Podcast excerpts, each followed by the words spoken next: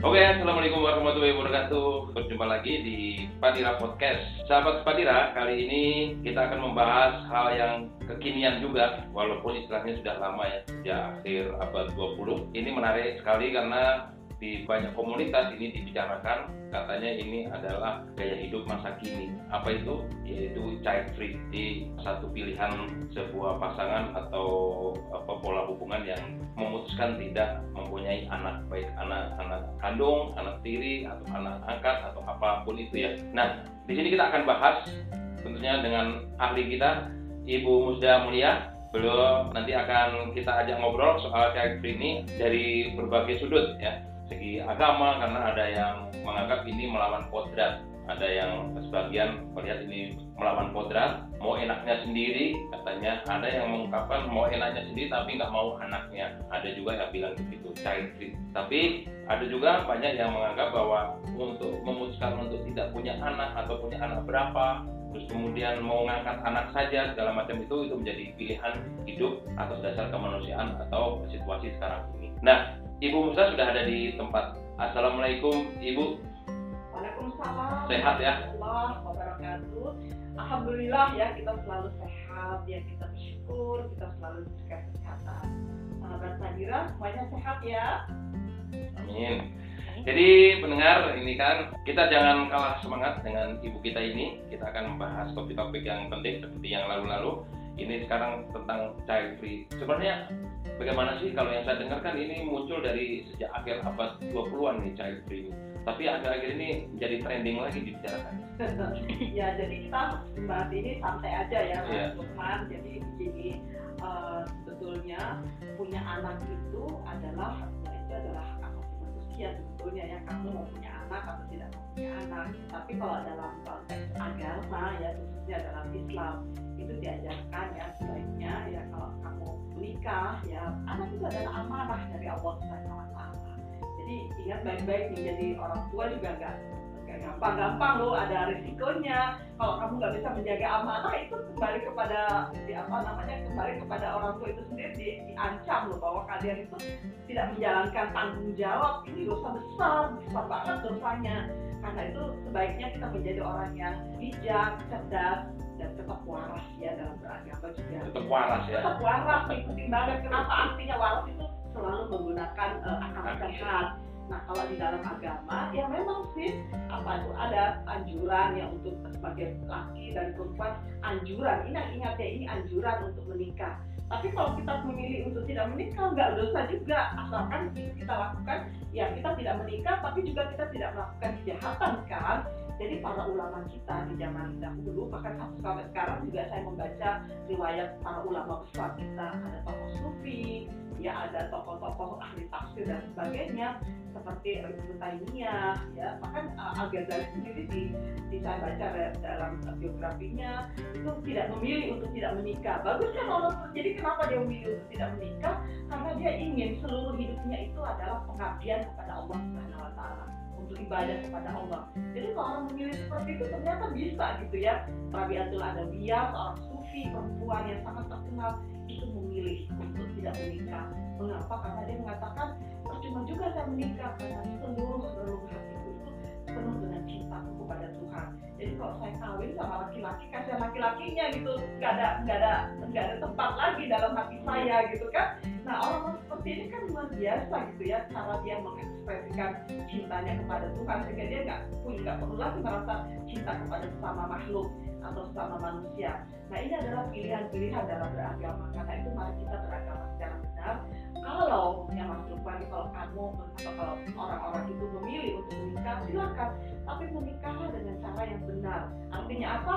Harus bersikap kasih sayang kepada pasangan. Karena dalam Islam itu betul-betul pernikahan itu adalah sebuah media yang disebutkan misalkan goliza sebuah komitmen yang sangat-sangat kuat dan suci sehingga nggak boleh ada kekerasan di dalamnya. Iya. nggak boleh ada apa ya nggak boleh ada perilaku yang biadab di dalamnya. Artinya karena kalau di Islam kan yang wajib kan udah jelas betul. Ya kan? Yang Iya. yang wajib udah jelas. Yang lainnya itu anjuran untuk anjuran anjuran. Jadi semua itu harus kita berhubungan dengan manusia antar manusia itu atas dasar kemanusiaan dan kesetaraan jadi apa pun itu walaupun itu ibadah ya kan ada sebagian besar anak itu amanah menikah itu ibadah segala macam itu itu sebenarnya anjuran yang menjadi opsi saja ya. Menikah itu ibadah kalau kamu benar-benar melakukannya dengan benar Betul. kan? Tidak ada KDRT di dalamnya, Iya, iya, iya. tidak ada tidak ada pembiaran tanggung jawab. Kamu menikah lalu kamu tidak menafkahi keluargamu, bukannya itu berdosa. Ingat Iya. baik-baik ya, jadi hati-hati. Nah sama juga, nah, memang boleh aja sih dalam dalam banyak anjuran dalam Al-Quran ya sebaiknya kamu punya anak ya sebaiknya ya. Tetapi kalau kamu punya anak ingat ya wawasaina al-insana biwalidayhi hamalatu ummuhu wahnan ala wahnin. Diingatkan bahwa tahu nggak bahwa telah diwasiatkan ya kepada para orang tua bahwa punya anak itu berat sekali dan bahkan dikatakan istilah Quran itu wahnan ala wahnin yang beratnya itu berganda-ganda gitu. Jadi sangat-sangat berat ya. Mereka makan seperti itu apalagi melahirkan itu harus menyusui selama 2 tahun. Itu Al-Quran lo ngajarin kayak gitu. Tapi sanggup nggak gitu? Bun kalau argumentasi itu melawan kodrat itu gimana? Nggak ada. Jadi bukan kodrat perempuan untuk melahirkan. Perempuan itu diberikan apa ya organ rahim di dalam tubuhnya bisa nggak kalau dia misalnya punya penyakit atau dia merasa saya kok nggak bisa ya tanggung jawab ya daripada saya punya anak lalu saya telan- telantarkan gitu kan kan mungkin dia punya punya pekerjaan yang sangat misalnya dia pekerjaannya perempuan nih tetapi dia perempuan ini memilih pekerjaan sebagai pilot misalnya. Iya iya. Gimana dia kan susah kan?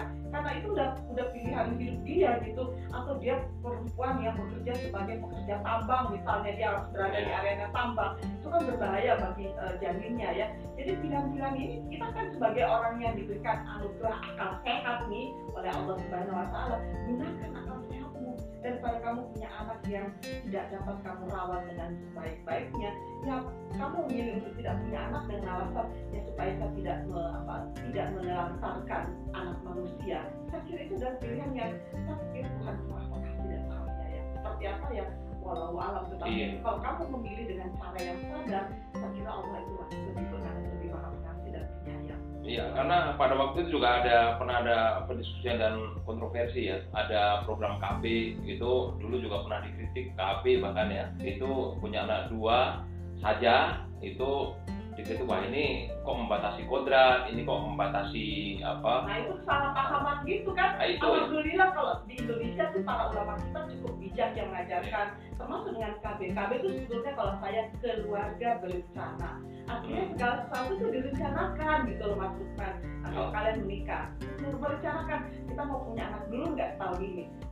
Lihat dulu kondisinya kalian sudah punya rumah atau tidak. Karena kalau kalian sendiri masih ngontrak sana sini yang pasti ya katakanlah untuk kesehatan anak saja belum bisa gitu ya. Kasihan loh anaknya bener kalian tuh akan menelantarkan seorang manusia dengan semena-mena gitu jadi kita lihat ya meskipun kita kontrak nggak masalah juga tapi kontrak dengan eh, suasana yang masih sudah memungkinkan ya ya alhamdulillah gitu kan karena itu kalian merencanakan bukan bukan menyalahi kodrat tapi sebagai orang yang dianugerahi yang sehat oleh Tuhan yang maha kuasa tentu sebagai manusia kita menggunakan akal sehat kita kan?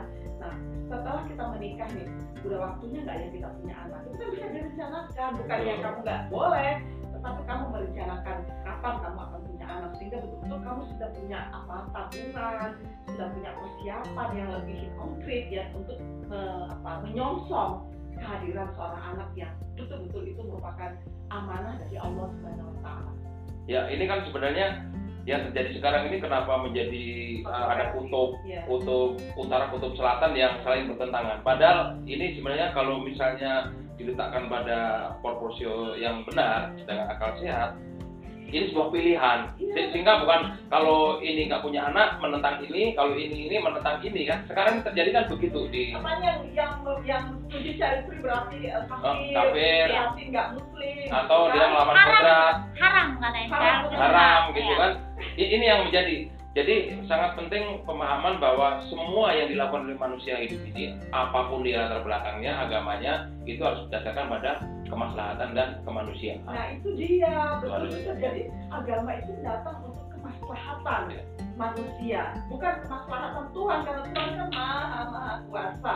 Iya. Tapi juga kita mesti mengingatkan, kalaupun ya terang yang saya katakan, kalaupun anda memilih untuk child free, itu oke, okay, itu adalah pilihan anda. Tetapi anda nggak boleh dong ya melihat orang yang memilih untuk punya anak sebagai sesuatu yang salah juga Iya, nih. betul. Karena itu marilah kita semua bersikap bijak. Jadi orang yang memilih untuk punya anak, memilih orang yang tidak memilih untuk tidak punya anak, itu sama-sama kalau untuk, untuk maslahatan se- setiap orang. Kan setiap orang kan beda-beda mas Lukman. Iya. ada orang yang benar-benar ya saya tuh nggak bisa punya anak karena saya tuh sakit ya. Saya tuh punya kan dia menyadari dirinya kayak kayak seperti itu. Nah kalau mengatakan itu nggak islami itu dulu jadi suatu ketika nih ya ini dalam kerangka Rasulullah sendiri nih jadi suatu ketika Aisyah Aisyah itu kan nggak punya anak jadi semua istri Nabi itu hanya Khadijah yang punya anak dan eh, Maria Al-Qibtiyah. Jadi Maria Al-Qibtiyah itu sebenarnya seorang awalnya itu seorang budak yang di apa dipersembahkan oleh Raja Mukaukis Raja Mesir kepada Rasulullah. Tapi begitu dia dipersembahkan kepada Rasul, Rasul langsung membebaskannya dari perbudakan gitu kan. Nah hanya dia yang melahirkan satu anak ya, tapi itu juga meninggal waktu kecil. Nah Aisyah ini adalah istri yang paling dicintai Rasul itu setelah Khadijah. Ya kan nggak punya anak. Nah dia mengeluh kepada Rasulullah ya Rasul gimana dong? Saya nggak punya anak gimana?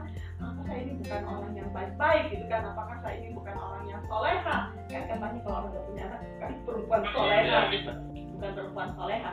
Terus Rasulullah mengatakan hilangkan pikiran-pikiran jahat seperti itu nggak ada itu jadi kamu memang nggak punya anak tapi kamu bisa mengadopsi anak angkat aja itu anak saudaramu jadi ada jadi anaknya Asma itu diangkat anak oleh Aisyah Nah, adopsi sebenarnya dalam Islam itu sangat boleh. Yang nggak boleh itu adalah menyamarkan nasab.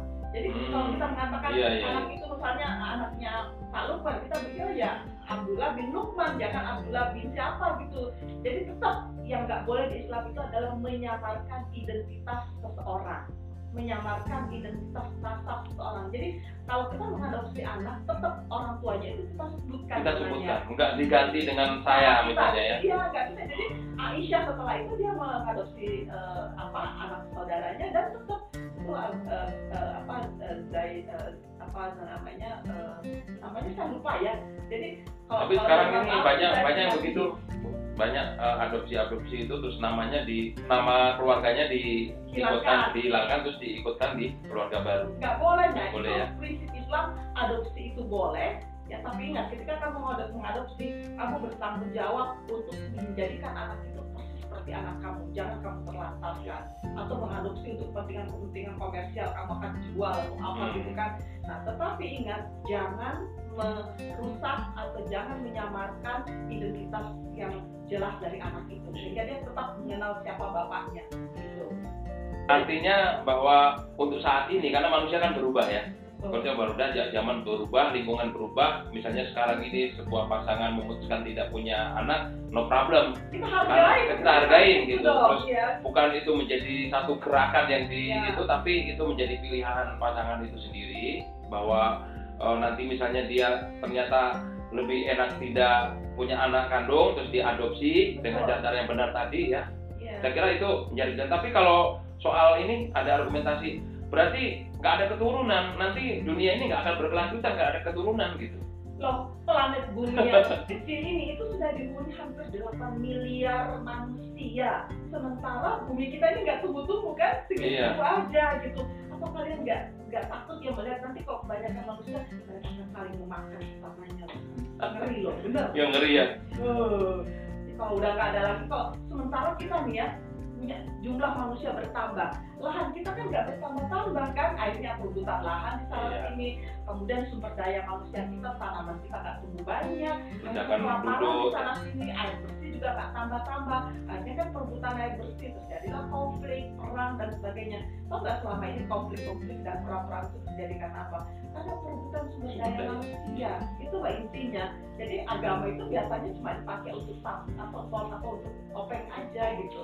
Untuk alasan-alasan yang paling gampang aja gitu Iya, eh, pendengar Padira ini asik ya. Jadi kalau saya boleh menyimpulkan tadi bahwa emang kodrat wanita itu dia punya rahim, tapi untuk menggunakan rahim itu eh, dibebaskan pada empunya atau kepada pasangannya agar terjadi kemaslahatan, Betul. tidak menjadi kontraproduktif. Nah, Kalau kemarin kan kita bicara soal stop pacaran ya, pacaran itu gunanya untuk apa, terus perkawinan itu wajib atau tidak, ternyata itu opsional juga, terus kemudian ini punya anak ternyata opsional. Yang garis besarnya dari pembicaraan soal itu, itu adalah di mindset kita tertumbuh dulu kesadaran kesetaraan dan kemanusiaan. Betul, betul. Jadi uh, saya ingin mengakhiri dengan uh, pesan singkat begini. Uh, sebagai manusia, mari kita menghormati dan menghargai keputusan orang lain. Karena itu berkaitan dengan hidup seseorang berkaitan dengan hidup seseorang. Jangan menstigma jangan menghakimi pilihan orang lain dengan haram dengan sesat ya karena tidak seperti apa yang kamu bayangkan. Jadi kalau orang itu memilih untuk tidak punya anak yang istilahnya lagi tren sekarang dengan child free ya biarkan orang itu memilih. Karena toh yang mereka yang merasakan kan mereka bukan kamu. Iya. jadi nggak usah pusing juga gitu loh kira-kira ya. Iya. karena itu adalah pilihan mereka. Ya cuma kita tidak berharap itu menjadi gerakan sehingga orang semuanya itu memilih child free. Iya. nah, sebaliknya kita juga menghormati orang yang memilih untuk punya anak tetapi kalau kamu memilih untuk punya anak tidak berarti kamu benar orang lain salah gitu. Dan juga tidak wajib kamu membangun satu gerakan semua orang harus punya anak. Dulu tidak semua orang sama dengan kamu kan? Karena itu prinsipnya adalah mari kita saling menghargai yang menghormati perbedaan menghormati keunikan setiap orang dan tetap pada upaya bagaimana kita memanusiakan sesama. Memanusiakan sesama. Itu penutup dari ibunda kita Yo, saya akhiri sampai di sini. Yang sedang beraktivitas, eh, semoga lancar dan semoga sukses dalam segala hal urusan para pendengar setia Padira Podcast. Saya akhiri. Wassalamualaikum warahmatullahi wabarakatuh. Salam Padira. thank you